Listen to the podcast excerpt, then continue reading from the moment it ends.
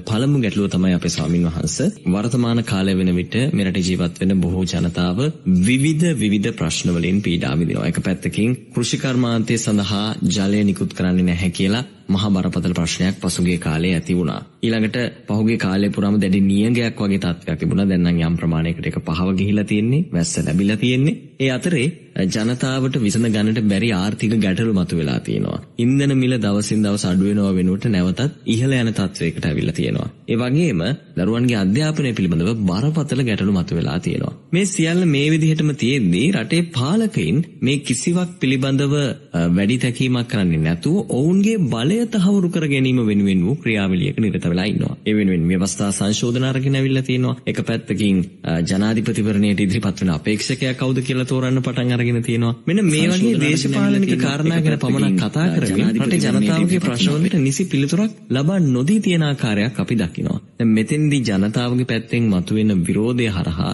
ජනතාවත් යම් පීඩනයකට පත් වෙලා ඉන්නවා. මෙන්න මේ කාරණාව අපි ධර්මානුකූලව පැහැදිලි කරගත්ත යුත්තේ කෙසේද ස්වාමීන් වහන්සේ වගේම මෙවැනි තත්වයකදී අපි සවිඥානිකව ජනතාව විදිහට හැසිරිය යුත්තේ කෙසේද කියන ප්‍රශ්නය තමයි අද දවසේ ධර්ම යාත්‍රා වැඩසටහනින් මම ඔබ වහන්සේගෙන් ප්‍රථමයෙන්ම විමසන්නට සූදානම් වන්නේ. අවසරයි ස්වාමීනි.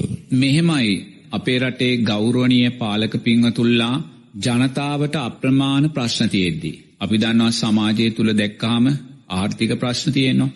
අධ්‍යාපනය පිළිබඳ ප්‍රශ්න තියෙනවා කුෂිකර්මය පිළිබඳ ජලය පිළිබඳ ප්‍රශ්න තියනවා විදුලිය පිළිබඳ ප්‍රශ්නය තියනවා මේ අප්‍රමාණ ප්‍රශ්න සමාජගත වෙලා තිබ්බත් ඒ සමාජගත වනා වූ ප්‍රශ්න නිසා ජනතාව අප්‍රමාණ පීඩනයට පත් වනත් අපේ ගෞරුවනය පාලක පිංහතුල්ලා ඒ ජනතාවගේ ප්‍රශ්න දෙස නොබලා ඒ ජනතාවගේ ප්‍රශ්න සඳහා කෙටි සහ දීර්ඝකාලීන විසඳුම් දෙන්න නැතුව ඒ අය බලය උදෙසා අමන්ගේ බලය ශක්තිමත් කර ගැනීම උදෙසා. මේ අත්‍යවශ්‍ය නොවන ප්‍රශ්න දැන් අද තියෙනවානේ දහතුන සංශෝධනය කියනවා දහතුන ගේනවා කියනවානේ උතුරට බලතල දේනවා කියන දැ මේවා සමාජය තුළ ජනතාවට බලපාන දැඩි ප්‍රශ්නයමේ මේවා. එවැනි අනවශ්‍ය දේවල් කෙරෙහි අවධානය යොමු කරනවා ජනතාවගේ අවශ්‍යතාවයන් වෙනුවෙන් අවධානය යොමු කරන්නේ කියෙන කාරණය තමයි ඔබතුමා ඔය ප්‍රශ්නය අහන්නේ. එතොට මං බුදුරජාණන් වහන්සේගේ ශ්‍රාවකයෙක් බුදුරජාණන් වහන්සේගේ ශ්‍රාවකයෙක් හැටියට මට ඔය ප්‍රශ්න දේශපාලන පිළිතුරක් දෙන්න බැහැ. මං බුදුරජාණන් වහන්සේගේ ශ්‍රාවකයෙක්. නිසා මම ඔය ප්‍රශ්න දෙන්න වෙන්නේ ධර්මානුකූල පිළිතුරක්. ධර්මානුකූලව ඔය ප්‍රශ්නය අපිට යොමු කරන්න වෙන්නේ තුෂ්නා පච්චයා උපාදානන් කියන ධර්මතාවයට. අපි කුමක් කෙරෙහි තුෂ්නාවෙන් බැඳුනද ඒ බැඳුන දේට අදාළවයි අපේ උපාදානයන් සකස් වෙන්නේ. ඕකයි අපි මෙතනින් දකිින්. එතකොට අපි මේ සමාජය තුළ අපේ රටේ සාමාන්‍ය ජනතාව ගොවි ජනතාව එවගේම වැටුප් ගන්න වෘතියවේදීන් ඒගොල්ලන්ගේ තුෂ්නාවට අදාල්ලව ඒගොල්ලන්ගේ බැඳීම් තුළ ජීවත්වෙනවා. දර ගොවි ජනතාවට බලය පිළිබඳ ප්‍රශ්නයක් නැහැ. වෘතියවේදී පින්වතාට බලය පිළිබඳ ප්‍රශ්නයක් නැහැ. කම්කරු පින්වතාට බලය පිළිබඳ ප්‍රශ්නයක් හැ. එයාගේ තුෂ්නාවෙන් එයා උපාදානය කරගන්නේ එයාගේ බැටුප. ගොවි මහත්මයා උපාදානය කරගන්නේ බීජ පොහොර ජලය අව්වැසි කම්කරු මහත්තයා උපාදානය කරගන්න යාගේ රැකියාව යාගේ වෘතිය යගේ ආදායම. ඉති ඒවගේ එකිනෙකාට වෙනස් වූ උපාදානයන් තියෙනවා ඒ උපාදානයන් සකස් වෙන්නේ තුෂ්නාවට අදාළව. එතකොට රටේ පොදු ජනතාව තමන්ගේ තුෂ්නාවට අදාළව තමන්ගේ උපාදානයන් තුළ හිරවෙලා ජීවත් වනත්. පෝහරනෑ ලයිට් නෑ වතුරනෑ වැස්සනෑ මේ ප්‍රශ්න තුළේ උපාදානයන්ට අදාළු ජීවත් වෙද්දි. රටේ පාලක පින්වතුල්ලා ඒගොල්ලන්ගේ තුෂ්නාව තියන්නේ ධනයට නෙමේ ඒවා ඒගොල් හම්බ කරගෙන තියනෙ පරම්පරා ගණන්ගොලට ඒවා හම්බ කරගෙන තියනෙ සැපසම්පත්න මේ සැපසම්පත් සියල්ල මේ ගොලන්ට ලැබෙනවා. ඒගොලන්ට ලයිට් බිල පිළිබඳ වතුර බිලිපෙන්වද දුරකතන පිළිබඳ පින ප්‍රශ්නයක් නැහැ. ඒගොලන්ට පැට්‍රල් පිළිබඳ වාහන පිළිබඳ ප්‍රශ්නයක් නැහැ. ඒගොලන්ට සැපසම්පත් පිළිබඳ ආහාරවෙල පිළිබඳ ප්‍රශ්නයක් නැහැ. ඒගොල්ලන්ගේ තුෂ්නාව පච්චයා උපාදානන් ප්‍රශ්න සකස් වෙන්නේ බලය උදෙසා. ඒගොල්ලන්ගේ තුෂ්නාව බලය උදෙසා තුෂ්නාවක් නිසා ඒගොල්ලන්ගේ උපාදානයන් දිරයන්නේ බලය උද බලයට. ජනතාවගේ උමනාව ජීවත්වීම නිසා ජනතාවගේ තුෂ්නාවෙන් උපාදානය සකස් වෙන්නේ ජීවත්වීමේ මාර්ගය ශක්තිමත් කරගන්න. ආදායම ශක්තිමත් කරගන්න. නිවස ශක්තිමත් කරගන්න. ගොවිම ශක්තිමත් කරගන්න. මේ සියලු දේ ධර්මානුකූල බැලුවාම තුෂ්ණා පත්‍යා උපාදානන් කියන ධර්මතාවය තුළ ජීවත් ඒ නිසා මේ රටේ පාලක පන්තියේ තුෂ්ණාවට අදාළව ඒගොල්ලන්ට ධනය තියෙනවා බලය තියෙනවා නිලය තියෙනවා සැප සම්පත් තියෙනවා යාන වාහන තියෙනවා ලයිට් බිල දුරකථන බිල එහෙම නැත්නම් ජල පිළිබඳ ප්‍රශ්නයක් නෑ ලක්ෂ ගණන් නොගෙවා ඒගොල්ලන්ට යන්න පුළුවන්. ඒ සියලු නිදහස් තියෙනවා. ඒ නිසා පාලක පින්වතුල්ලා තෘෂ්ණාවෙන් උපාදානය වෙලා තියෙන්නේ ඒ නිසාම ඒ අය සෑම නිමේෂයකදීම සිතුවිල්ලක් සිතුවිල්ලක් පාසා ඒ අය උත්සාහ ගන්නේ කෙසේද මේ බලය ශක්තිමත් කරගන්න? කෙසේද මේ අතට ලැබුණු බලය තවත් අවුරුදු පහක් කරලා අරගෙන යන්න. ඒගොල්ලන්ගේ තෘෂ්ණාව ඒකයි. ඒගොල්ලන්ට ආයිමත් වැවේ වතුර තියෙනවද? පොහොර තියෙනවද? අස්වැන්න තියෙනවද? ඒගොල්ලන්ට ප්‍රශ්නයක් නැහැ. ඒගොල්ලන්ට ඕනේ බලය. ලෝකෙට ණය වෙලා හරි තමන්ගේ තෘෂ්ණාපත්‍ය උපාදාන ධර්මතාවයට තියෙනවා නම් එයාට ඕනේ ඒ බලය රැකගන්න. එතකොට මේ බලය පිළිබඳ ප්‍රශ්නේදී අද රට බලවත් අභියෝගයකට මුහුණ දීලා තියෙනවා. ඒක තමයි වඩාත්ම බලවත් භාගය. මොකද අද බලය උදෙසා තරඟ කරන අපේ රටේ ගෞරවනීය රාජ්‍ය නායකතුමා කියන්නේ ජනතාව ඡන්දයෙන් පත් කරපු නායකතුමෙක් නෙමෙයි. අපි දන්නවා අපි හැමෝම දන්නවා එතුමා පසුගිය අවුරුදු 10ද 20ද 25ද ඉල්ලපු සෑම ප්‍රධාන ඡන්දයක්ම පරාජය වෙච්ච ගෞරවනීය මහත්මයෙක්. ඒ වගේම පසුගිය මැතිවරණේ ජනතාව ඡන්දෙ නොදී ජාතික ලයිස්තුවකින් පාර්ලිමේන්තුවට ආපු පින්වත් මහත්මයෙක්. එන ගෞරවනීය මහත්මයෙක්. මෙතෙක් කලක් ඇතු නොවුනා වූ බලවත් තෘෂ්ණාපච්චයා උපාදානන් කියන ධර්මතාවේ තිවුරභාවයක් උච්චභාවයක් අභියෝගාත්මක භාවයක් අද සකස් වෙලා තියෙනවා. ඒ නිසාම මේ මොහොතේ සියලුම පාලක පන්තිය ඒවට උපකාර කරන ධර්මතාවයන් සෑම කෙනෙක්ම ඒගොල්ලන්ගේ තුෂ්නාව ඒගොල්ලෝ යොමු කරලා තියෙන්නේ ඒගොල්ලන්ගේ බලේ ගොඩනගා ගැනීම උදෙසා ඒක ධර්මතාවය. ඒ උදෙසා ඒගොල්ලෝ උත්සාහ ගන්නවා අනිවාර්යයෙන්ම නොදී යුතු දේවල් දෙන්න. ද්‍රවිඩ ජනතාව සතුරු කරන්න මුස්ලිම් ජනතාව සතුරු කරන්න මොකද ඒගොල්ලන්ට අවශ්‍ය ඊළඟට එන ඡන්දෙදී ඒගොල්ලන්ගේ බලය තහවුරු කරගන්න. මොකද නායකතුමන්වාම දන්නවා පසුගිය සියලු මැතිවරණ වලින් තමන් පරාජය වෙච්ච කෙනෙක් කියලා. ජනතා ඡන්දෙන්න මේ පාර්ලිමේන්තුව ඇතුලේ ඡන්දෙන් තේරිපත් වෙච්ච මහත්මයෙක්. ඒ අභියෝගය නිසාම බලය උදෙසා බලවත් කෝලාහලයක් අද සමාජය තුල තියෙනවා. ඒ කෝලාහලය තුල සියලු ජනතා ප්‍රශ්න අමතක කරලා බලය කියන ප්‍රශ්නය පිතරයි උඩට අරන් තියෙන්නේ. එසා මේවා සුන්දර හේතුඵල මේ සෑම හේතුඵල ධර්මයකටම මුල අවිද්‍යාවයි. මං කාටවත් පුද්ගල සංඥාවට ඇඟිල්ල දික් කරන්නේ නැහැ. ඒ නිසා පොදුවේ මනුෂ්‍යව හැටියට ඒ මනුස්ස ධර්මය තුළ ඒගොල්ලෝ ජීවත් වෙනවා. වෙන කරන්න දෙයක් නැහැ. ඒගොල්ලන්ට ආරක්ෂා කරගන්න තියෙන බලය අනිත් සියල්ලම තියෙනවා. පොදු ජනතාවට ආරක්ෂා කරගන්න තියෙන ජීවිතය. ඒ නිසා ඒගොල්ලෝ ජීවිතය වෙනුවෙන් සටන් කරද්දී පාලක පින්වතුල්ලා බලය උදෙසා සටන් කරනවා. මේ දෙක අපි සමාජය තුළ දකිනවා. එතකොට මේ දෙකම සිද්ධ වෙන්නේ අවිද්‍යාව මුල් කරගෙන. අවිද්‍යාව තිවුර වෙන්න තිවුර වෙන්න අවිද්‍යාව ශක්තිමත් වෙන්න ශක්තිමත් වෙන්න කර්මය කර්මඵල විශ්වාසය අපි දන්නේ නැහැ. අපිට පටිච්ච සමුප්පන්න උපතක් තියෙනවාද කියන විශ්වාසය අපි දන්නේ නැහැ. අම්මා තාත්තගේ ගුණයන් පිළිබඳ විශ්වාසය අපි දන්නේ නැහැ. ඇයි සම්මාදිට්ඨිය දුර්වලයි. එහෙනම් අද අපි සමාජය තුල දකින්නේ අවිද්‍යාවේ ශක්තිමත්භාවය නිසාම සම්මා දිට්ඨිය දුර්වල කරගත් ගෞරවනීය පාලක පින්වතුල්ලා නිසා මතුවනා වූ බලවත් අභියෝගයක්. මේ අභියෝගය ජනතාව විසින් පරාජය කළ යුතුයි ජනතාව විසින් ජයග්‍රහණය කළ යුතුයි ජනතාව විසින් ජයග්‍රහණය නොකළොත් මේ අභියෝගය සමස්ත මාතෘභූමියටම විනාශකාරී අභියෝගයක් වෙනවායි කියන කාරණය පිළිබඳ ප්‍රශ්නයක් නැහැ. එනිසා සියලෝම රටවාසී ජනතාව දක්ෂ විය යුතුයි. මේ අභියෝගයේ ජයගන්නනම් අවිද්‍යාව තුනී වෙච්ච සමාජයක් සමාජය තුළ බිහිවෙන්න ඕනේ. ඒ උදෙසා අපි දක්ෂ වෙන්න ඕනේ සෑම රටේ ජනතාවක්ම දේශය වඩන්න නැතුව වෛරය වඩන්න නැතුව ක්‍රෝධය වඩන්න නැතුව එකිනෙකාට චෝදනා කරගන්න නැතුව කළ යුත්ත නොකළ යුත්ත කුමක්ද කියන කාරණය නිවැරදි තේරුම් ගන්න. ඒ කියන්නේ සම්මා සතිය ජීවිතයට එකතු කරගන්න. දොර සම්මා සතිය ජීවිතයට එකතු කරගනිද්දී අපේ ධර්මානුකූලෝ අපිට කියන්න වෙන්නේ මේ පවතින්නා වූ මේ විනාශකාරී පරිසරය දේශපාලනය විසින් ඇති කලා වූ මේ විනාශකාරී පරිසරය ඔබ දක්ෂ වෙන්න ඕනේ දේශපාලනය තුළින්ම ඉදිරියේදී ඔබේ ජයග්‍රහණය උදෙසා යොමු කරගන්න. එනිසා ඔබ දක්ෂ වෙන්න නිරතුරුවම මෙවැනි විනාසකාරී පාලක පින්වතුල්ලා තුළින් කවදාක්වත් ශාසනයටවත් මේ මාතෘභූමියටවත් අපිට ජයග්‍රහණයන් බලාපොරොත්තු වෙන්න බෑ. මොකද තුෂ්නාව වැඩි තැන දුකයි වැඩිවෙන්නේ බුදුරජාන් වහන්සේ කියනවා සෝවාන් ඵලයට පත් නොවූ සෑම කෙනෙක්ම කිනම් හෝ මානසික ව්‍යාධියකින් පෙළෙනවා කියලා. එනිසා අපි මේ සියල්ලන්ටම අනුකම්පා කළ යුතුයි. මේ සියල්ලන්ටම අනුකම්පා කරනවා වගේම මේ මොහොතේ සමස්ත රටවාසී ජනතාවටම කළ හැකි මහා පින්කමක් තියෙනවා. එක දේශපාලනයක් නෙමේ එක පින්කමක් මොකක්දේ පින්කම මේ විනාස වෙලා යන උතුම් තෙරුවන් කෙරේ සද්ධාව ගරුත්තය ආරක්ෂා කළ දෙන පින්කමක්. මේ විනාස වෙලා යන සිංහල බෞද්ධ සංස්කෘතිය ආරක්ෂා කරලා තියෙන පින්කමක්. ඒ වගේම මේ විනාස වෙලා යන මේ සංස්කෘතිය මේ සදාචාරය ආරක්ෂා කරලා තියෙන පින්කම. ඒ වගේම මේ විනාස වෙලා යන තරුණ පරපුරේ ළමා පරපුරේ අනාගතය සුරක්ෂිත කරලා තියෙන පින්කමක්. තෙන් අප්‍රමාණ මනුස්්‍යයෝ සිතුවිල්ලෙන් සිතුවිල්ල සිල්පද බිඳගන්න ලෝබදේශය මෝහයන් වඩන මේ දුස්සීල සමාජය වෙනස් කරන්නාව පින්කම. මේ මොහොතෙන් පස්සේ ඔබ ඉදිරියේ තියෙන්නේ දේශපාලනයක් නෙමේ ඔබට කරන්න තියෙන පින්කමක්. එනිසා ඔබ දක්ෂ වෙන්න. මේ පවතින සමාජය තුළ සෑම මනුස්සේක්ම සෑම සිතුවිල්ලකින්ම ලෝබ සිතක්මයි ඇති කරගන්න. දේශ සිතක්මයි ඇති කරගන්නේ. නපුරු සිතක්මයි මෝහ සිතක්මයි ඇති කරගන්න. සිල්පද බිඳීමක් දිසාවටමයි සමාජය මෙහෙවන්නේ.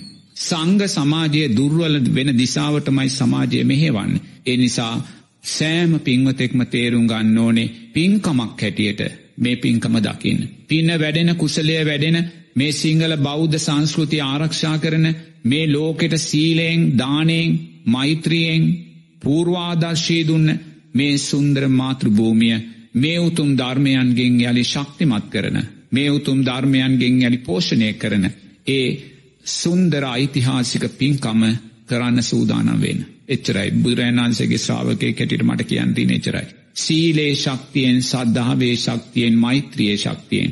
සමස්ත ජාතියාගම් කුල බේදයෙන් තොරව අත්වල් බැඳගෙන ඔබ දක්ෂ වෙන්න ඔබේ මේ උතුම් මාතෘභූමිය ඔබේ මේ උතුම් රට ඔබේ මේ උතුම් සංස්කෘතිය ඊළඟ පරම්පරාවට දායාද කල්ල දෙන ආරක්ෂා කල්ල දෙන. ඒ සුන්දර පින්කමක් කරන්න සූදානම් වෙන්න කියන කාරණය තමයි මේ මෝතේ මට කියන්න සිද්ධ වෙන්නේ නිසා කොයිසා වැරදි කළත් දේශ කරන්න එපා වෛර කරන්න එපා එකනෙකාට චෝදනා කරන්න එපා. එහෙම කොළොත් අපි විනාසයට අදාළ අකුසලේමයි ජීවිතයට එකතු කරගන්න. ඒවා තුළින් අපිට කවදක්වත් මේකේ නිරවුල් භාවයක් දකින්න බැහැ. හෙට දවසේ කොයිසා බලකිරීම ඇතිවෙන්න පුළුවන් පෙළඹවීම ඇතිවෙන්න පුළුවන්. රට තුළ අර්බුදකාරී දිසාවන්ට මේ රට අරංයන්න ඔය එක එක දහතුන එක එක සංශෝධන වගේන්නේ ජනතාව තුළ අවුල් ඇති කරලා ජනතාව තුළ බෙදීම් ඇති කරලා ඒ බෙදීමේ වාසිය පාලක පිංහතුල්ලා විසින් ලබාගන්න වෙන්න පුළුවන්. එනිසා කොතනකවත් පාලකයින් මොනමොන දේවල් ගෙනල්ල ජනතාව බෙදන්න ජනතාව වෙන් කරන්න ජනතාව ජාතීන් හැටියට වෙන් කරන්න උත්සාහ කළත් ජනතාව බුද්ධිමත්ව මේ කාරණා තේරුම් ගන්න ඕනේ. එම තේරුම් අරන් සියලූම ජනතාව ජාතිකුලාගම්බේදයන්ගෙන් තොරව මේ මොහොතේ රට තුළ දේශපාලන සමාජය තුළ උත්සන්න වෙලා තියෙන මේ තුෂ්නාපච්චයා උපාදානන් කියන ධර්මතාවය පරාජය කරන්න. බලය උදෙසා සියල්ල විනාස කරගෙන යන මේ ධර්මතාවයන් පරාජය කරන්න. බලය උදෙසා සියල්ල පාවාදීමට යන්නාව මේ සමාජය දමනය කරන්න. කළ හැකි ධර්මාන්කූලෝ පින්කම. සීලේ ශක්තියෙන් මෛත්‍රියයේ ශක්තියෙන් සමාධියයේ ශක්තියෙන්. මේ ලෝකධාතුවේ ලෞකික සැපයට තියෙන එකම මාර්ගය වන ආර්යෂ්ඨාංගික මාර්ගයේ ශක්තියෙන් මේ පින්කම ශක්තිමත් පින්කමක් බවට පත් කරලා. මේ උතුම් සිංහල බෞද්ධකම ඊළඟ පරපුරට ආරක්ෂා කරලා. මේ රටේ අහිංසක කම්කරු ජනතාව ගොවි ජනතාව. මේ රටේ සමස්ත ජනතාවට නිදහසේ හුස්මගන්න පුළුවන් සමාජයක් පුංචි කාලෙකට හෝ බිහි කරලා මේ ලෝකධාතුව තුළ කරන්න තියෙන ශේෂ්ඨ පින්කම කරලා. මෙලවත් සතුටු වෙලා පරලවත් සුන්දර දිව්‍ය ජීවිතයක් ලැබීමට අදාළ සංස්කාරයන් රැස් කරගන්න කියන කාරණය තමයි මට ඔය කාරණය සම්බන්ධයෙන් මේ මොහොත කියන්න සිද්ධවෙන්. හැබැ එකක් මේ සමාජයේ සිදුවෙන කිසිම දෙයක් දැකලා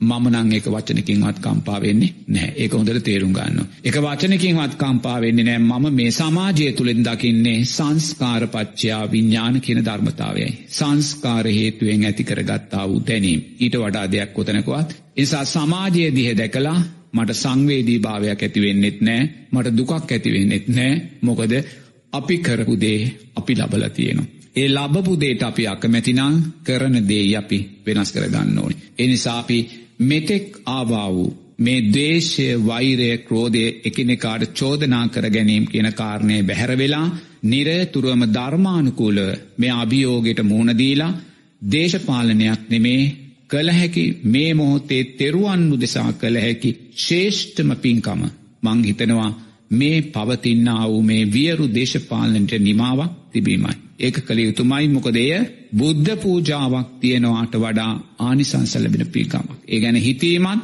බුද්ධ පූජාවක් කිරීමට වඩා ආනිසංස ලැබෙන ක්‍රියාවක් මොකද එහෙම කියන්නේ බුද්ධ පූජාවක් තියන්නත් අපිට නිදහස අහිමිවෙන සමාජයක් අනාගතය බිහිවෙන්න පුළුවන්. එනිසා බුද්ධ පූජාව තියන්න පෙර අපි තෙරුවන් සුරක්ෂිත කරගන්න ඕනේ ආරක්ෂා කරගන්න ඕනේ. තෙරුවන් සුරක්ෂිත වෙන්න නම් මේ උතුම් ධර්මවිනය රැකෙන්න්න ඕනේ. මේ උතුම් ධර්මවිනය රැකෙන්න්න නම් මේ උතුම් සංගරත්නය ආරක්ෂාවෙන්න ඕනේ. මේ උතුම් සංගරත්නය ආරක්ෂාවෙන්න නම් සංගරත්නයට සිව් පසය සපයන ජනතාව ආරක්ෂාවෙන්න ඕනේ සුරක්ෂිත වෙන්න ඕනේ පෝෂණය වෙන්න ඕනේ. මහා සංගරත්නයට සිව් පසේ සපයන ජනතාව දුරල වුණොත් ආර්ථිකාතයෙන් දුර්වල වුණොත් ඒ අය බෙදී වෙන්නුනොත් එවැනි කාරණයක් තුළ බලමත් අනතුරට ලක්වෙන්නේ සංග සමාජයේ පැවැත්මයි. ඒ නිසාම සංග සමාජයේ සිව්පසය දුර්වලභාවය නිසාම සංග සමාජයේ මිච්චා ආජීවයන්ට යොමු වෙලා සංග සමාජයේ සීලයෙන් දුර්වල වෙලා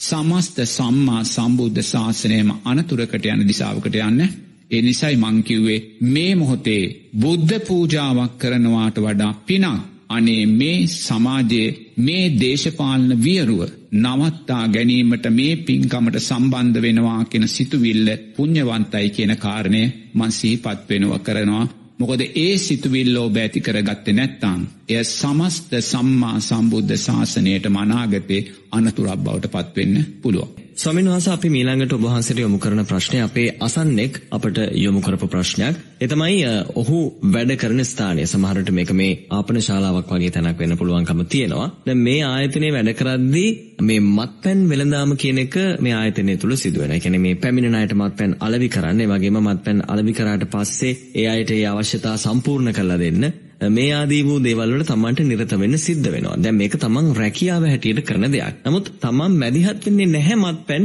විකිණීම සඳහා. කියන්නේ මේක අයිති තමන්ට නෙවෙයි, තමන් ඒකේ සේවකයෙක් පමණයි. දැන් මෙවැනි තැනක වැඩ කිරීම හරහා තමන්ටත් මේ මත්පැන් අලෙවි කිරීම කියන අකුසල කර්මයට දායක වෙන්න සිද්ධ වෙනවද? එහි ආනිශංස ලැබෙනවද කියන එක තමයි ඔහු අපෙන් විමසන්නේ. ගෞරවනීය ස්වාමීන් වහන්සේ අපි මේ ප්‍රශ්නයත් අද දවසේ ධර්ම යාත්‍රා වැඩසටහනෙන් ඔබ වහන්සේට මේ වෙලාවේදී යොමු කරනවා. මහත්මයා දෙවැනි ප්‍රශ්නය හැටියට මට යොමු කළේ යම් පින්වතෙක් යොමුකරු ප්‍රශ්නයක් ඒ පින්වතා විමසනවා තමන් රැකියාවන් කරපු ස්ථාන කීපයකම මත්වතුරු වෙළඳන් කරනවා.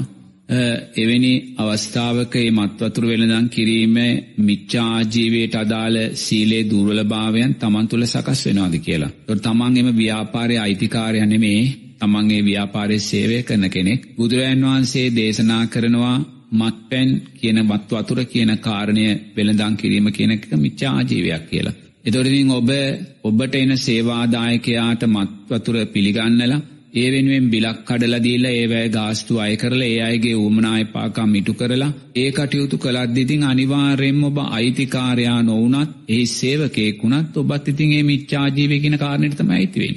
එන්න බුදුරනාන්ස කියනනේ මත් වතුර විකිනීම වෙච්චාජීවයක් කියලා. එතොර ඒක අයිති මහත්‍ය ඔබ නොවෙන්න පුළුවන් ඔබ සේවක කරනගෙන වෙන්න පුළුවන් නමුත් ඔබේ සේවය උදිසා වැටුපක් ගන්න ඒ සේවය උදිසා ප්‍රතිලාබයන් ගන්න තේන්න. ඉති එනිසා ඔබ එතන මත්වතුර විකුණුවත් ඒ මත්වතුර විකිනීමේ මේ තත්ත්වය මිච්චා ආජීවයක් බවට තමයි මන්නන් දකින්න පත්වෙනවා කියලා. මිච්ඡා ආජීවයක් බවට පත්වෙනවා කියන කාරණය තමයි මම දකින්නේ. මොකද එවැනි ආජීවයන් තුලින් අනිවාර්යයෙන්ම ඔබත් මත් වතුර බොන අයගේ ඇසුරට වැටෙන්න පුළුවන්. එක පැත්තකින් ඈ. ඔබත් මත් වතුර බොන කෙනෙක් බවට පුරුදු වෙන්න බවට පත්වෙන්න පුළුවන්. ඔබේ මත් වතුර කෙරේ තියෙන බිය, සැකය පහ වුණා වූ කෙනෙක් බවට පත්වෙන්න පුළුවන්. ඔබේ මත් වතුර බීම වර්ණා කරන කෙනෙක් බවට පත්වෙන්න පුළුවන්. අපි තුළ එවැනි ආජීවයන් වැඩෙද්දී අනිවාර්යයෙන් මීට අදාර දුර්වල ක්‍රියාවන් අපේ ජීවිතයට එකතු වෙන්න. ඒ නිසාම ඔබ අනිවාර්යයෙන්ම ඉදිරියේදී ඔබ මත් වතුර විකුණුවා විතරක් නෙමේ මත් වතුර බොන කෙනෙක් බවටත් පත් වෙන්න පුළුවන්. එසා අනිවාර්යයෙන්ම ඔබ මිච්ඡා ආජීවයන් සිද්ධ කරන තැනක ඔබ මුදලාලි වුණත් ඔබෙහි සේවකයෙක් වුණත් ඒ මිච්ඡා ආජීවයක් බවටයි පත් වෙන්නේ. ඔබ වැරදි ආජීවයක් තුලින් තමයි ඔබ මුදල් හම්බ කරලා තියෙන්නේ. අනුන්ට බීම ගෙනල්ලා දීලා ඒව කන්න දීලා ඒව බොන්න දීලා ඒවට උපකාරක ධර්මයන් සකස් දීලා ඒව ප්‍රවර්ධනය කරලා ඒවට අවශ්‍ය සැප පහසුකම් ලැබලා දීලා ඒ මිච්ඡා ආජීවයකට ඔබ උපකාර කරපු කෙනෙක් බවටයි පත් වෙන්නේ. හොඳේ? ඉතින් ඒ නිසා ඒක මිච්ඡා ආජීවය. දැන් අපි මිච්ඡා ආජීවයෙන් එක දෙයක් නේ. මේ සත් වෙන දාම කියන කාරණේ. සත් වෙන දාම කිව්වාම ඒකට මිනිස් වෙළඳාම වහල් වෙළඳාම තිරිසන් සත්තු වෙළඳාම ඒ විතරක් නෙමේ ගණිකාවෘතිය කියන කාරණය කෙනෙක් ව්‍යාපාරයක් හැටියට ඒකත් මිච්ඡා ආජීවයක්. කාන්තාවක් පෞද්ගලිකෝ ගනිකාවෘතිය දෙනවා කියන්නේ ඒක කාමේ වර්ධවා ඇසිරීමක්. එතන ඒක ඒක ආජීවයක් කරගත්තොත් ඒක ජීවන මාර්ගයක් කරගත්තොත් ඒක යාට කාමේ වර්ධවා හැසිරීමක් වගේම මිච්ඡා ජීවයක් බවට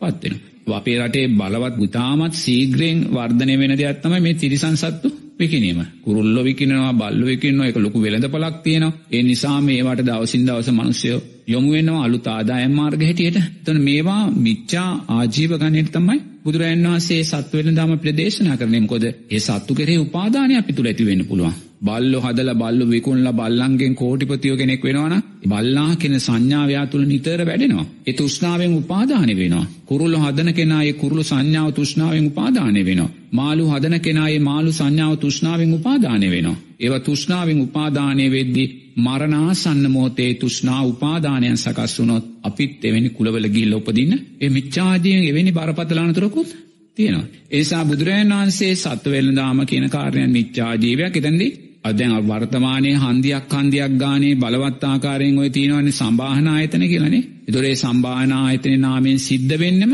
බලවත් මිච්ඡා ජීවයක්. මේ රටේ කාන්තා පක්ෂය ඒවායේ විකිනෙනවා. ඉතින් ඒවා බලවත් මිච්ඡා ජීවයක්. ඒතොර එතනදී ඒ සම්බාහන ආයතනේ පවත්වාගෙන යන මුදලාලි විතරක් නෙමෙයි. ඒකේ ඉන්න මැනේජර් මහත්තයා, ඒකේ ඉන්න කැෂියර් මහත්තයා, ඒකේ සේවය කරන කාමර සේවකින් වෙළඳ භාණ්ඩ බවට පත් වෙලා තියෙන පින්වත් ගෞරවනීය කාන්තාව.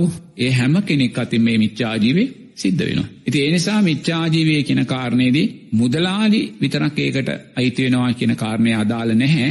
ඒ මිච්ඡාජීව පවත්වාගෙන යන්න ඒ උපකාරක ධර්මයන් සකස් කරගෙන සියලු දෙනාම මිච්ඡා ආජීවයට අදාළ අකුසල් ධර්මයන් එකිනෙකට වෙනස් ආකාරයෙන් ජීවිතයට එකතු කරගන්න. අවසරයි ස්වාමීන් වහන්සේ මේ පැහැදිලි කිරීමත් එක්කම තවත් අතරමැදි මතුවෙච්ච ගැටලුවක් ඔබ වහන්සේට මේ යොමු කරන්නේ තමයි දැන් ඔබ වහන්සේ පැහැදිලිවම ප්‍රකාශ කළා Taman මේ ආයතනයේ හිමිකරු නොවුනත් Taman මේ අලෙවි කිරීමට ඍජුව හෝ වක්‍රව සම්බන්ධ වෙනවා නම් අනිවාර්යයෙන් මේ මිච්ඡා ආජීවයට Taman නතු වෙනවා කියන කාරණාව. දැන් මෙතෙන්දි ස්වාමින් වහන්සේ මේ මිච්ඡා ආජීවයෙන් මුදල් හම්බ කළා. කියන්නේ Taman වැටුපක් අරගෙන මේක තමන්ගේ නිවසට අරගෙන ගිහිල්ලා නිවසේ ඉන්න තමන්ගේ බිරිඳ දරුවන් වෙනුවෙන් ඒක වියදම් කරද්දී ඔවුන්ගේ අවශ්‍යතාව වෙනුවෙන් මේ මුදල් වියදම් කරද්දී ඒකෙන් දැන් මේ හම්බ කරගත්ත මුදල වැරදි දෙකින් හම්බ කරගත්ත මුදලක්. එතකොට ඒ මුදල gedara දරුවෝ බිරිඳ වෙනුවෙන් යොමු කරද්දී ඒකෙන් ඒ අයට යම් ආකාරයක අකුසලයක් රැස් වෙනවද කියන කාරණාවත් අපිට පැහැදිලි කරලා දෙන්න ස්වාමීන් වහන්සේ.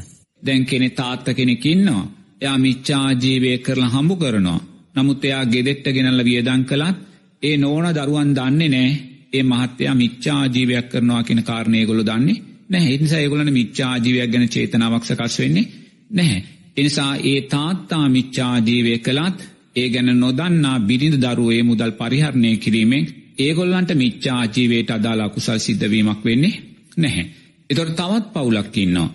ඒ පවුලේ තාත්තාත් මිච්ඡා ජීවයකේ දෙනවා.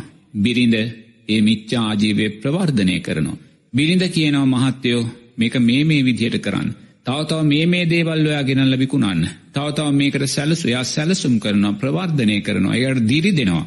ඒ නිසා මෙයා තුල චේතනා සකස් වෙනවා. ඒ චේතනා සකස් වෙද්දී එයාටත් ඒ මිච්ඡා ජීවිත අදාළ කුසල් සිද්ධ වෙනවා. නමුත් එතනදි දරුවෝ ඒ ගැන දන්නේ නැහැ. දරුවෝ මුකුත් දන්නේ නැහැ. තාත්තගේ මිච්ඡා ආජීවය ගැන එයා දන්නෙත් නැහැ. අම්මගේ මිච්ඡා ආජීවයට උපකාර කිරීම දන්නේ නැහැ. ඒගොල්ලෝ සුවසේ කොහේ හරි අධ්‍යාපනය ලබනවා. නමුත් ඒගොල්ලන්ට මිච්ඡා ජීවිතයට අදාළ ධර්මතාවයන් සකස් වීමක් වෙන්න විදියක් නැහැ. මොකද ඊට අදාළ චේතනාව ඒගොල්ලන්ට නැහැ. නමුත් දරුවනුත් දන්නවනම් මගේ තාත්තා මිච්ඡා ජීවය කරනවා අම්මා ඒකට උපකාර කරනවා ආශිර්වාද කරනවා. අනේ අපි ජීවත් වෙන එකෙන් මමත් ඒකට ආශිර්වාද කරනවා මමත් ඒකට උපකාර කරනවා මමත් ඒ ව්‍යාපාරයේ තව තව වැඩේවා කියලා ආශිර්වාද කරනවා. එහෙම කරද්දී දරුවාටත් මිච්ඡාජීවයට අදාළ අකුසල් සිද්ධ වෙන්න පුළුවන්. වෙනවා. වෙන පුළුවන් නෙමෙයි වෙනවා. මොකද එයා ඒක චේතනාන්විතව වඩනවා. නමුත් එවැනි දේවල් මේ ජීවිතේදී විපාකෙට නොයන අකුසල් වෙන්න පුළුවන්. තේන්න එවැනි දේවල් විපාකෙටෙද්දී අපි කිව්වොත් මිච්ඡා ජීවය කරන මහත්තයෙක් ඉන්නවා. අරක්කු විකුණන කෙනෙක්. එයා නිසා අප්‍රමාණ මිනිස්සු අරක්කු බීලා පවුල්වල ප්‍රශ්න ඇති කරගන්නවා. රෝගීභාවය පිළිබඳ ප්‍රශ්න ඇති කරගන්න. මරා ගන්නවා මිනි මරා ගන්නවා. තේන්න. නමුත් එහෙම කරලා ඒවයි විපාක නිසා ඒගොල්ලො මැරුලා මරණාසන්න මොහොතේ ඇතිවෙන්න වූයේ අකුසල් සිත් නිසා ඒ මහා අරක්කු මුදලාලි ගිහිල්ල ඉප දෙන්නේ හොඳටම බොන තාත කෙනෙකුට දාව. එන්නේ දැ අපි දැකිනවා සමහර ගම්මොල දැන් ඉන්නවා දැන්න මේ කවදත් හිටියා හොඳටම බොනවා පැයි විසි අතරම බොනයි ඉන්න. ඉති එවැනි තාත්ත කෙනෙකුට දාව තමයි අර කෝටිපති මිච්චාජිය මුදලාලි ගිහිල්ල ඉපදෙන්. ඉපදුන දවස්සේ ඉඳං ඒ බීමත් තාත්තා නිසා දරුවා බලවත් පීඩනයට පත්වෙන අන්න අකුසල් විපාග. මේ ජීවිතය නෙම ඊළඟ ජීවිතේ. ඒ වගේ මේ බොන මහත්තයාට බිරිඳ වෙනවා කවුරු හරි. තරුණයක් බිරිඳ වෙනවා බිරිඳ උන දවසෙන ඉදම්ම බීමත් මහත්තයා නිසා ඒ තරුණි අප්‍රමාණ දුකට පත් වෙන. අන්න මිච්චාජීවේ විපාක්. එනිසා මිච්චාජීවය කරන මහත්තයාගේ බිරිඳ දරුවා කියන කාරණය ඒ මිච්චාජීවයට අදාළ චේතනාවන් තුළ ශක්තිමත් වෙනවනං ඒ අයටත් ඊට අදාළ අකුසල් විපාකයන් ලැබෙනවා. ඒවා මේ ජීවිතේ නොලැබුණත් පටිච්ච සමුපන්න ජීවිතවලදී අරාකාරයෙන් විපාකදීලා අපිව බලවත් පීඩනයන්ට පත්වෙන්න පුළුවන්. මොකද අපි දන්නවා සමාජය තුළ බීමත් තාත්තලා නිසා දැන් අලුතෙන් බිහිවෙන බීමත් අම්මලා නිසා බලවත් පීඩනයන්ට පත්වෙච්ච දරුවෝ බලවත් පීඩනයන්න පත්වෙච්ච ඥාතීන් අප සමාජය තුළ අප්‍රමාණ ජීවත්වෙනවා. ඒ නිසා එවැනි පීඩනයන්ට පත් වූ චරිත දකිද්දී අපි ඒ චරිත තුළින් දකින්න ඕනේ පෙර පටිච්ච සමුපන්න මිච්චා ආජීවේ තියෙන්න්න වූ බලවත්ම විපාකයන් කියන කාරණය ගෞරවෙන් සීපත් කරන්න ඕනේ. ස්වාමීන් වහන්ස අද දවසේ ඔබ වහන්සේට ඉදිරිපත් කරන්න බලාපොරොත්තු වෙන මීළඟ දහම් ගැටලුව මෙන්න මෙයයි. දැන් සාමාන්‍යයෙන් දෙවි කෙනෙක් අපි කියමු මනුෂ්‍ය ලෝකේ හිටපු කෙනෙක් වුණත් දිව්‍ය තලයකට පත් වෙන්නේ තමන් සතු කුසල ශක්තිය හේතුවෙන්. ඒ ආකාරයට සෝවාන් ඵලයට පත් වෙලා යම් කෙනෙක් දිව්‍ය තලයක පහළ වුණොත් දෙවි කෙනෙක් බවට පත් වුණොත් ඒ දිව්‍ය තලය තුලදී මේ දෙවියන්ට සකෘදාගාමි අනාගාමි එහෙම නැත්නම් අරහත් ඵලයට පත්වෙන්න පුළුවන්ද කියන ගැටලුව බොහෝ දෙනෙකුට තියෙනවා. මෙන්න මේකත් අපි අද දවසේදී ඔබ වහන්සේගෙන් අහනවා ධර්ම යාත්‍රා වැඩසටහනෙන් අපිට ඒකටත් පැහැදිලි කිරීමක් ධර්මානුකූල පැහැදිලි කිරීමක් ඔබ වහන්සේගෙන් අපි බලාපොරොත්තු වෙනවා. දැන් අපි හිතමු මිනිසෙක් ඉන්නවා. එයා තෙරුවන් කෙරේ සද්ධාව තියෙන කෙනෙක්. එයා කල්යාණ මිත්‍ර ආශ්‍රය ලබන කෙනෙක්. එයා සද්ධර්ම ශ්‍රවණය කරන කෙනෙක් ඒ ශ්‍රවණය කලා වූ සද්ධර්මය නුවනින් මෙනෙහි කරන කෙනෙක්. ඉති එයා මෙනෙහි කරලා එයා සද්ධානුසාරී දම්මානුසාරී තැන් දෙකේ ශක්තිමත්ව තැන් දෙකින් ඒක ශක්තිමත්ව ජීවත්වෙන කෙනෙක්. අපි කියමු එයා දම්මානුසාරී කෙනෙක් කියලා නමුත් එයා මනුස්ස ලෝකෙ තුළ ඉන්නේ. එයා දම්මානුසාරී තැනයිදං එයා උපාදානය කරගන්න නිර තුරුයාගේ කැමැත්ත තියෙන උතුම් සෝවාන් පලට පත්වෙන්. එතොට එයා සෝවාන් පලට පත්වීම උදෙසා නිරතුරුවම ආර්යෂ්ඨාංගික මාර්ගය ශක්තිමත් කරමින් ජීවත්වෙනවා. සම්මා සමාධිමත්හිතෙන් ජීවත්වෙනවා. ඒ සම්මා සමාධිමත්හිතෙන් සතර සටි පට්ටාන ධර්මයන් දකමින් පටිච්ච සමුපාද ධර්මයන් තුළ ජීවිතය විසරෝමි එයා ජීවත්වෙන. නමුත් එයාට තාම සෝවාන් පලට පත්වෙන්න පුළුවන්කමක් ලැබුණේ නැහැ. නමුත් යම්හයකින් එයා මරණාසන්න මොහොතේ එයා තුළ සකස් වෙන අවසාන චුතිසිත එයා අනිත්‍යයි කියලා දකිනෝ එක අවබෝධෙන් නෙමේ දැක්මක්. ඒ දැක්ම නිසාම එයා සෝවාන් පලට පත්වන දෙවි කෙනෙක් හැටියට සස්ත්‍රීක දීවතලයක ඉපදෙනවා. දැන් එයා සෝවාන් පලට පත් වනා උදෙවී. එතොට සෝවාන් පලට පත් වනා වූ දෙවි කෙනෙක් හැටියට එයා ඉපදුනානම් එයා පංච උපාදානස්කන්දේ අනිත්‍ය භාවය අවබෝධයෙන් දැක්ක කෙනෙක්. අවබෝධයෙන් දැක්ක කෙනෙක් ඒ වගේම තෙරුවන් කරේ අචල සද්ධාව තුළ සීලය ආර සීල භාවය තුළ එයා අවබෝධයම පිහිටපු කෙනෙක් තිෙන්න එයාගේ සද්ධාව පංචුපාදනස්කන්දය අනිත්‍ය භාවෙන් පෝෂණය වෙලයි තියෙන. එයාගේ සීලය පංචුපාදානස්කන්දය අනිත්‍ය භාවෙන් පෝෂණය වෙලයි තියෙනෙ.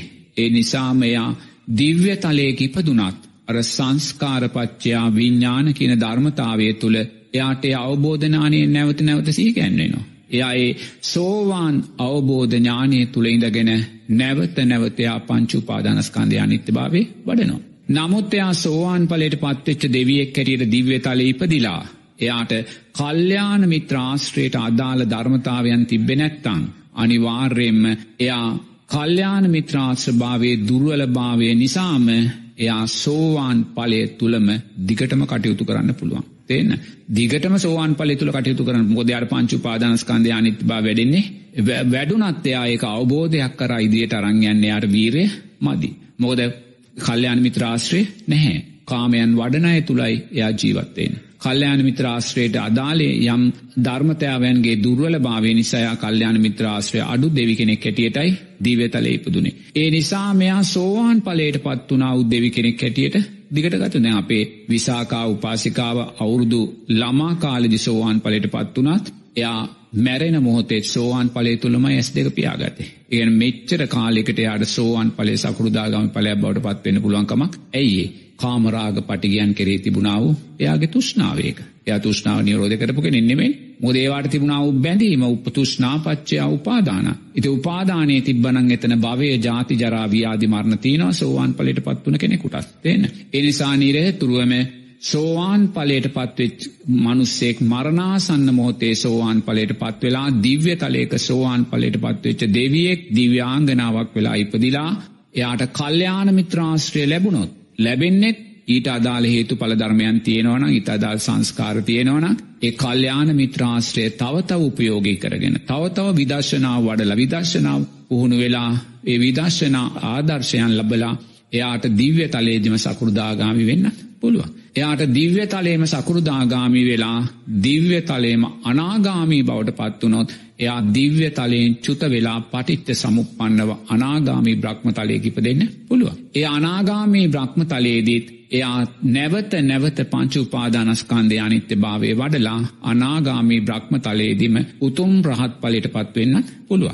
එනිසා කෙනෙක් මනුස්සලෝකයෙන් ඉපදෙන් අවශ්‍ය නැහැ සෝවාන් සකුරුදාගාමි අනාගාමි හරිත් පලයන් ලබන්නේ. සද්ධානුසාරී දම්මානුසාරී දෙවි කෙනෙකුටත් සස්ත්‍රීක දීවතලයක කල්්‍යාන මිත්‍රාශ්‍රය තුළින් පංචු උපාදානස්කන්දය අනිත්‍ය භාවයන් වැඩුණොත් එම නැත්තන් දිව්‍ය සෝත තුළින් මේ කියන විදර්ශනා ධර්මය ශ්‍රවනය කරලා ඒ විදර්ශනා ධර්මයන් නුවනින් මෙනෙහි කොළොත් දිව්‍ය තලේක දිවුණත් සද්ධානුසාරී දම්මානුසාරී දෙවි කෙනෙකුට උතුම් සෝවාන් පලට පත්වෙන්න පුළුව. ඒ වගේම සූත්‍රගත ධර්මය සඳහන් වෙනවා ඔය අනාගාමී බ්‍රහ්ම තලවලින් අනාගාමී බ්‍රහ්මයෝ යම් යම් කාලවලදී ඔය ශස්ත්‍රීක දීව්‍ය තලවලට එරදියෙන් එනවා කියලා. ඒ ඇවිල්ලා දෙවියන්ට විදර්ශනාමය ධර්මයන් දේශනා කරනවා කියලා. එතොට ඒ විදර්ශනාමය ධර්මයන් ශ්‍රවනය කරලා දෙවියන්ට උතුම් අධිගමයන් සාක්ෂාත් කරගන්න තමන්ගේ අධිගමයන් උතුම් රහත් පලේ දක්වා වර්ධනය කරගන්න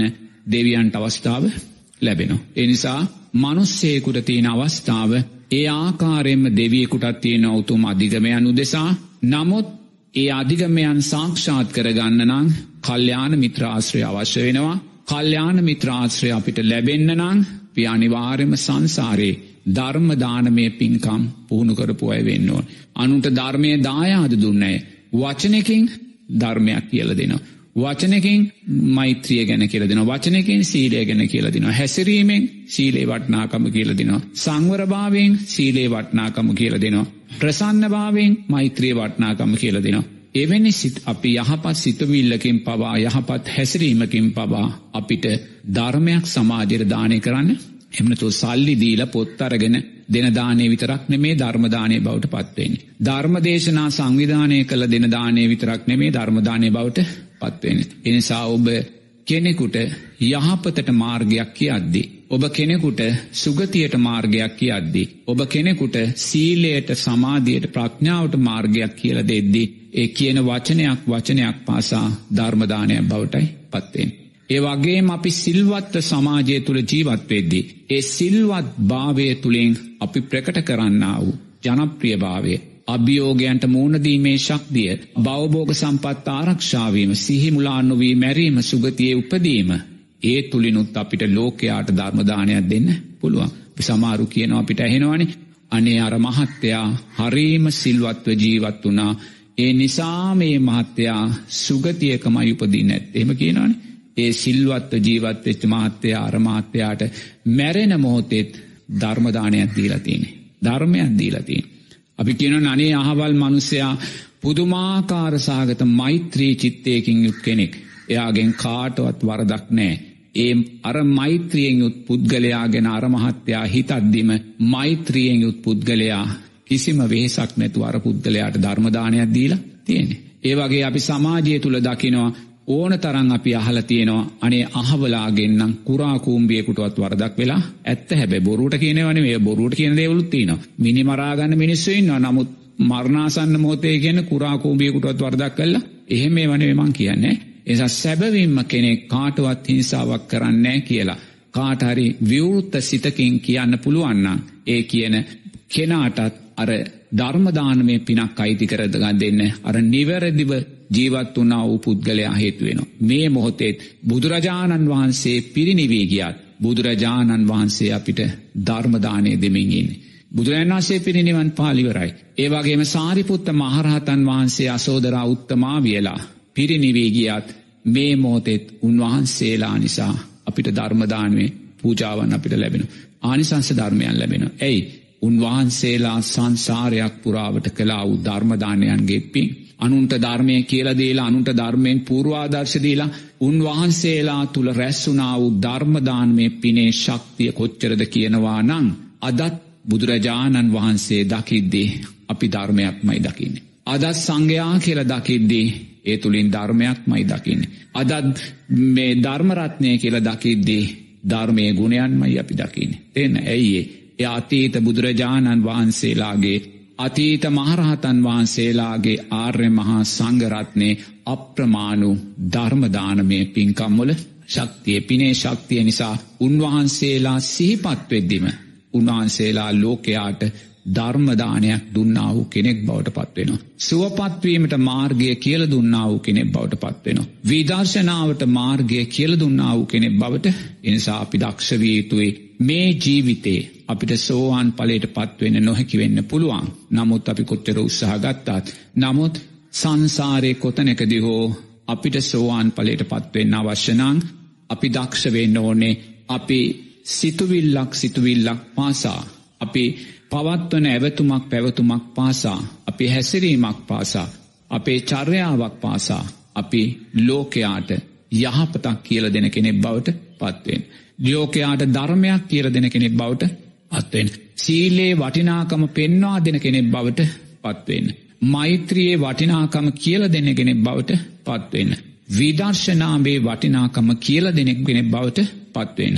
සංඝයා කෙන ගුණයන්ගේ භික්‍ෂු භික්‍ෂුණී උපාසක උපාසිකා කෙන ගුණයන්ගේ ශක්තිය පූර්වා දර්ශීව සමාජයට පෙන්න කෙනෙක් බවට එහෙම කෙනා නිරතුරුවම සෑම නිමේශයකදිම සමස්ත ලෝකයාටම ධර්මදානයක් පූජා කලා වූ කෙනෙ බවටයි පත්වෙන. එවැනි පූජාවන් එවැනි කුසල් ධර්මයෝ අපිට සංසාරයේදී නොහිතුූ ආකාරයෙන් අපිට උතුම් අධිගමයන් සාක්ෂාත් කරගන්න උත්තම ධර්මදානමය පින්කම් බවට පත්වෙනවා. තියන්න. එනිසා නිරය තුරුවම ඔබ දක්ෂ වෙන්න ඔබ ලෝකයාට ධර්මයක් දානය කරන ධර්මයක් ප්‍රධානය කරන කෙනෙක් බවට පත්වෙන්න එහෙම කොළොත් ඒ උතුම් ධර්මදානමය පිනම සංසාරයේ කවදා හෝ දවසක ඔබ නොසිතූ පරිදි ඔබේ උතුම් ධර්මාබෝධය පිණිස ඔබට උත්තම ශක්තියක් බවට පත්වේවි. පෙර ප්‍රශ්නේදී ඔබ වහන්සේ පැහැදිලි කරලා දුන්න මේ දෙවි කෙනෙකුට සෝවාන් සකෘදාගාමි අනාගාමි ඵලයන් වලට පත් වෙන්න පුළුවන්ද කියන කාරණාව වෙනුවෙන් එය සිදුවන්නේ කෙසේද කියන කාරණාවත් ඔබ වහන්සේ පැහැදිලි කරලා දුන්නා. දැන් ස්වාමීන් වහන්සේ දැන් අපේ රටේ මීට පෙර අතීතයේ රජකම් කරපු රජවරු ඉන්නවා අපේ රට එක්සේසත් කරපු අපේ බුදුදහමට මහඟු සේවාවක් කරපු රට ස්වයං පෝෂිත කරපු රජවරු. එතකොට ඒ අය සමහර විට මිය ගිහිල්ලා මේ වෙනකොට දිව්‍ය තලවල උපත ලබලා ඉන්න පුළුවන්කම තියෙනවා. දැන් ඒ අය දිව්‍ය තලවල උපත ලබලා හිටියත් සමහර විට ඒ අය කරපු මේ සේවාව නිසාම යම් ආකාරයකට මේ රට කෙරෙහි අපේ රටේ තියෙන රජකම පිළිබඳව යම් දේවල් උපාදානය කරගෙන ඉන්නවා වෙන්න පුළුවන්කම තියෙනවා. ඒ වගේ අය නැවත වතාවක් ඉපදිලා අපේ රටේ නායකත්වයට පත් වෙන්න පුළුවන්කම තියනවද කියන කාරණාව තමයි ඔබ වහන්සේගෙන් අතුරු ප්‍රශ්නයක් හැටියට යොමු කරන්නේ මේ මොහොතේදී. දැන් අපි කියමු අපේ මනුස්ස සමාජයේ අතීතයේ ජීවත් වෙච්ච රජවරු ඉන්නවා. රටට ආදරය කරපු සම්මා සම්බුද්ධ ශාසනයට ආදරය කරපු රටේ ආත්ම ගරුස්ටය ආරක්ෂා කරපු දීපු ලෝකයා ඉදිරියේ මේ රට මහා ධාන්‍යාගාර බවට පත් කරපු තියෙන තුෂ්නාපච්චයා උපාදානන් කෙන ධර්මතාවය තුළ මේ රට උපාදානය කරගෙන මැරුණ රාජ්‍යනායකෝ රජවරුයිනවා. ඉති ඔබතුමා අහන්න එවැනි රජවරු නැවත මේ මනුස්සලෝකයේ උපත ලබන්න පුළුවන්ද කියලා. එවැනි රජවරු නැවත මේ මනුස්සලෝකයේ ඉපදිලා මේ රාජ්‍ය සම්පත් කෙරෙහි ලොල් සිතිං ඒ රාජ්‍ය සම්පත් ලබන්න පුළුවන්ද කියන කාරණේ. එතෝට ඒක බැහැයි කියලා කියන්න මට බැහැ. ඔද පටිච්ච සමුපන්න ගමනක් යන මේ සත්වයා නිරේතුරුව තුෂ්නාපච්චයා උපාදානන් කියන ධර්මතාවය තුළ නැවත නැවතත් තමන් උපාදානය කරගත්තා වූ භවයන් තුළට ගොඩ බහින්න පුළුවන්. එසා අතීතයේ ජීවත් වනා වූ රජ කෙනෙක්. වර්තමානයේ උපත්තිය ලබල ඒ වර්තමානයේ රජකම්වලට අදාළ උපාදානයන් ඒකොළ තුළ ඇති වෙන්න පුළුවන්. එහෙම නැහි කියන්න බැහැ දැන්ඔය හැමෝම දේශපාලනය කරන්න නෑනේ අද රටේ ජීවත්වන හැමෝම දේශපාලනය කරනවා. සමන්ට දේශපාලනය කිවහම තිත්ත දෙයක්. දේශපාලනය කිවහම ඒගොලො අක්කමැතිම මාත්තුකාව. ඒ ඇයි එගොලු රාජ්‍ය පාලනයන්ට අදාළ ධර්මතාවයන අතීත ජීවිතයෙන් පුහුණු කල්ලා නැහැ. එතොට එහෙමනි කෙනෙකුට ඒ දැනීම් සකස් වෙන්න නැහැ. එනිසා කෙනෙක් මගෙන් ප්‍රශ්නයක් ඇහුවොත් සාමින්වහන්ස මම සංසාරයේ දේශපාලනයට අදාළ ධර්මතාවයන් පුහුණු කරපු කෙනෙක්ද කියලා ඒ ප්‍රශ්නට උත්තර දෙන්න ඇතරම් මට බැහැ. ඒ ප්‍රශ්නට උත්තරේ තියෙන්නේ ඔබ ළඟමයි. කොතන් දේ උත්තරේ තියෙන්නේ ධර්මානුකූලව. ඒ උත්තරේ ඔබ ළඟ තියෙන්නේ සංස්කාරපච්චයා විඤ්ඥාන කියන ධර්මතාවේ තුළ. හොදට තේරුම් ගන්න නේ කෙනෙක් මගෙන් ඇව්වෝ ස්වාමින් වහන්ස මම සංසාරයේ මේ රටේ නිදහස් අරගලය උදෙසා ගොඩාක් සටන් කරපු කෙනෙක් මම යුද්ධ කරපු කෙනෙක් ජාතිය වෙනුවෙන් රට වෙනුවෙන් මැරුණ කෙනෙක් ඒ උපාදානයන් තුළ මට නැවතත් මේ ජීවිතේ දේශපාලන උපාදානයන් තුළ ඉදිරියට යන්න ඕනෙ කියලා ඒක තීරණය කරන්න ඇත්තරම් මට බැහැ ඒක මන් දන්නෙත් නැහැ ඒක දන්නේ ඔබ කොහොම දොබ දන්නේ සංස්කාරපච්චයා විඤ්ඥාන කියන ධර්මතාවයන් තුළ. ඔබ තුළ එවැනි අතීත සංස්කාර තියෙනවා නං තුෂ්නාපච්චා උපාදානන් කෙන ධර්මතාවය තුළ ඔබ ඔබේ පටිච්ච සමුපන්න ජීවිතයට එකතු කරගත්ත එවැනි දේශපාලනයට අදාළ සංස්කාරයන් ඔබ තුළ තියෙනවා නං ඔබ තුළින් මේ දැනීමත් වෙලා එවි. ඔබ තුළින් ඒ සංස්කාර තියෙනවනම් ජනතාව ඔබෝ පිළිගනීවී. ඒකායිමත් කවරුවත්ත බෝ තල්ලු කරලා දේශපාලනය දන්න ඕනේ නැහැ. කවරුවත්ත බෝ බලෙන් දේශපාලනයට අරංගෙන්න්න ඕනේ නැහැ.